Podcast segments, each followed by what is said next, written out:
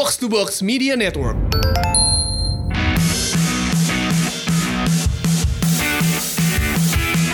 Ya akhirnya kita ada suara fans yang kedua nih. Mohon maaf kalau kemarin eh, nggak ada suara fans karena adminnya sama editornya lagi sakit jadinya keteteran dan ini dia suara fans kedua agak unik ya. Satu ngomongin pemain kewarganegaraan pemain, satu lagi ngomongin klub kesayangannya yang tahun 90-an sempet ngacak-ngacak MU. Siapa ya? Dengerin aja yuk.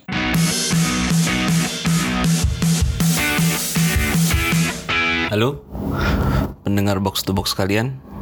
Nama gue Aryo. Gue akan membahas di podcast kali ini mengenai tim favorit gue, yaitu Newcastle United.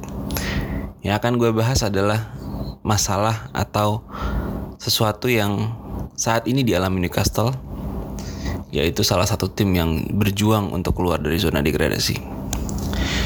Buat lo anak-anak yang mungkin mengenal bola dari tahun 90-an Kemudian masuk ke tahun 2000-an awal Lo pasti tahu Newcastle waktu itu pernah menjadi tim yang cukup diperhitungkan di kancah Premier League.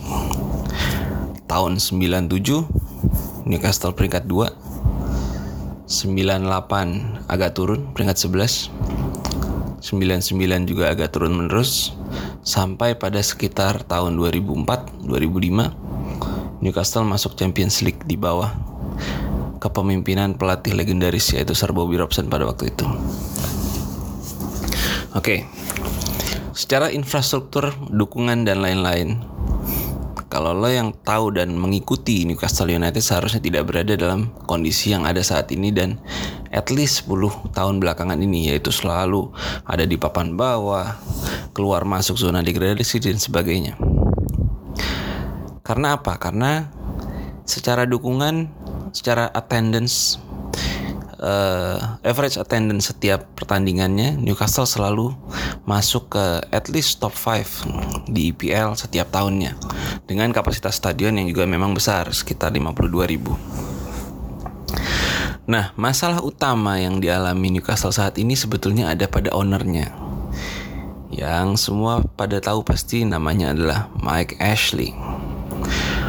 One of the richest man in the United Kingdom. Tapi untuk Newcastle dia sangat pelit. Nah, Mike Ashley masuk pada tahun 2005 membeli saham dari Freddie Shepard pada waktu itu. Sejak itu, gebrakan awalnya adalah meng-hire Kevin Keegan kembali menjadi pelatih. Namun ini gue nggak tahu apakah memang advisernya yang goblok atau gimana.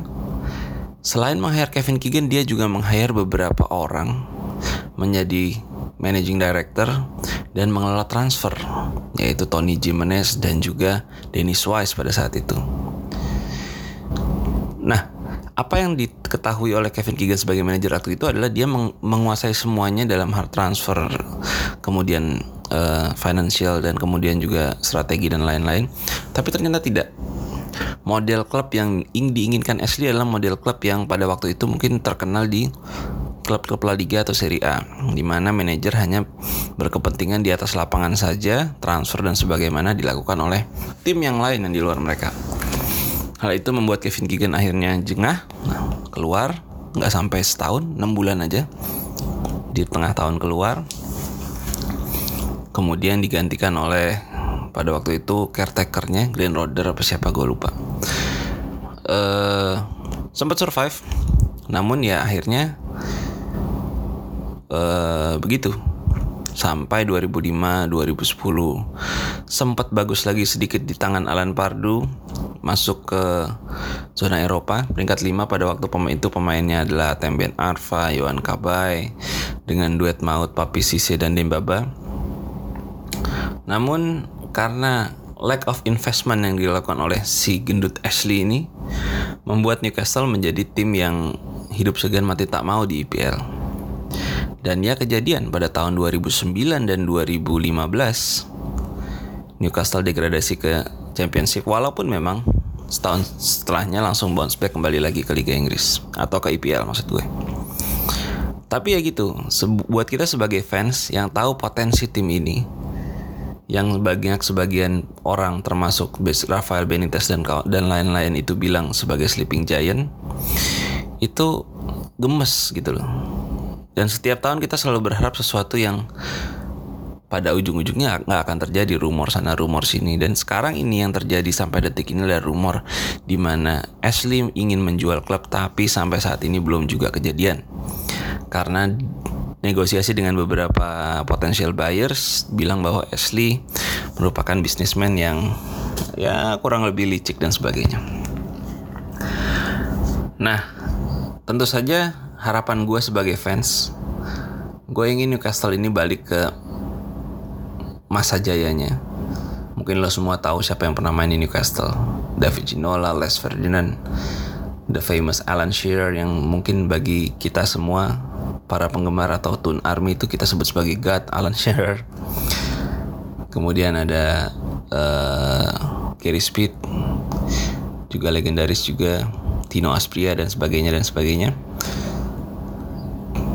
At least kita ingin tim ini naik ke peringkat 10 ke atas lah. Kita belum muluk-muluk karena kita tahu sekarang di IPL itu persaingannya dan duit terlalu banyak terlibat di dalam situ. Itu aja dari gue. Mungkin yang nextnya akan lebih panjang membahas Newcastle dari tahun ke tahun. Thank you. Good night.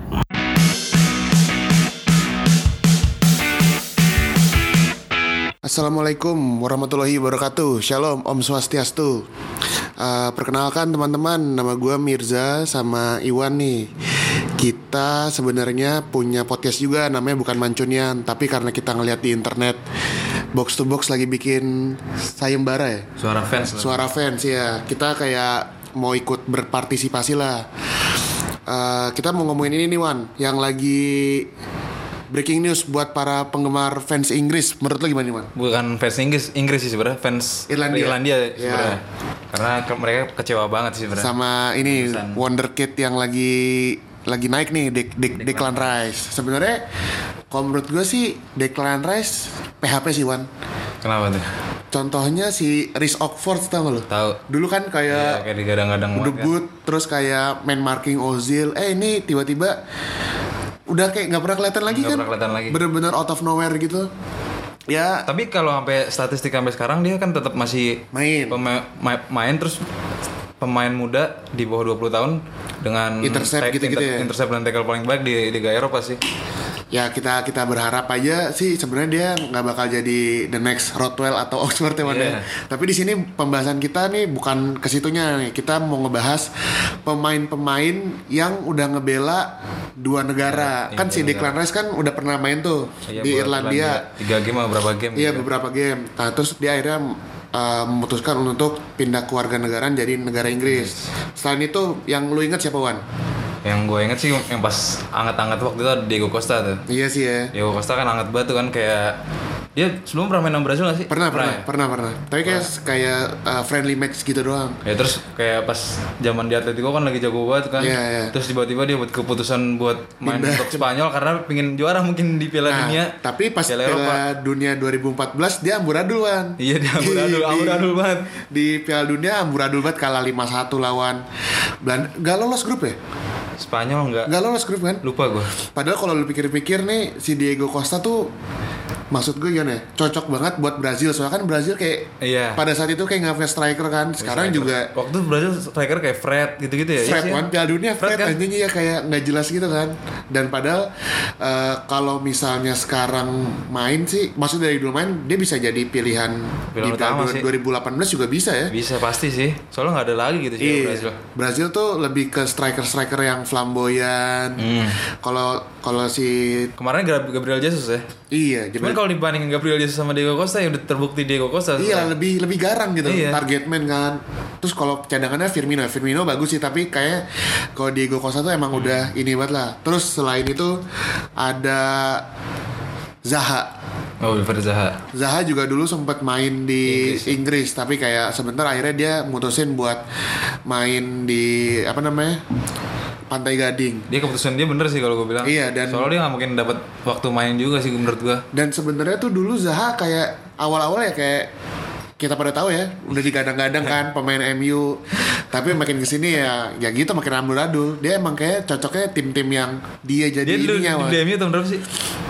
Terus nggak pernah main juga ya? bukan dia tuh pertengahan tahun akhir pokoknya akhir-akhir Ferguson Hah? tapi di loan loan balik gitu loh Oh. di di, Jan- di Januari juga kan Tim apa sih waktu itu?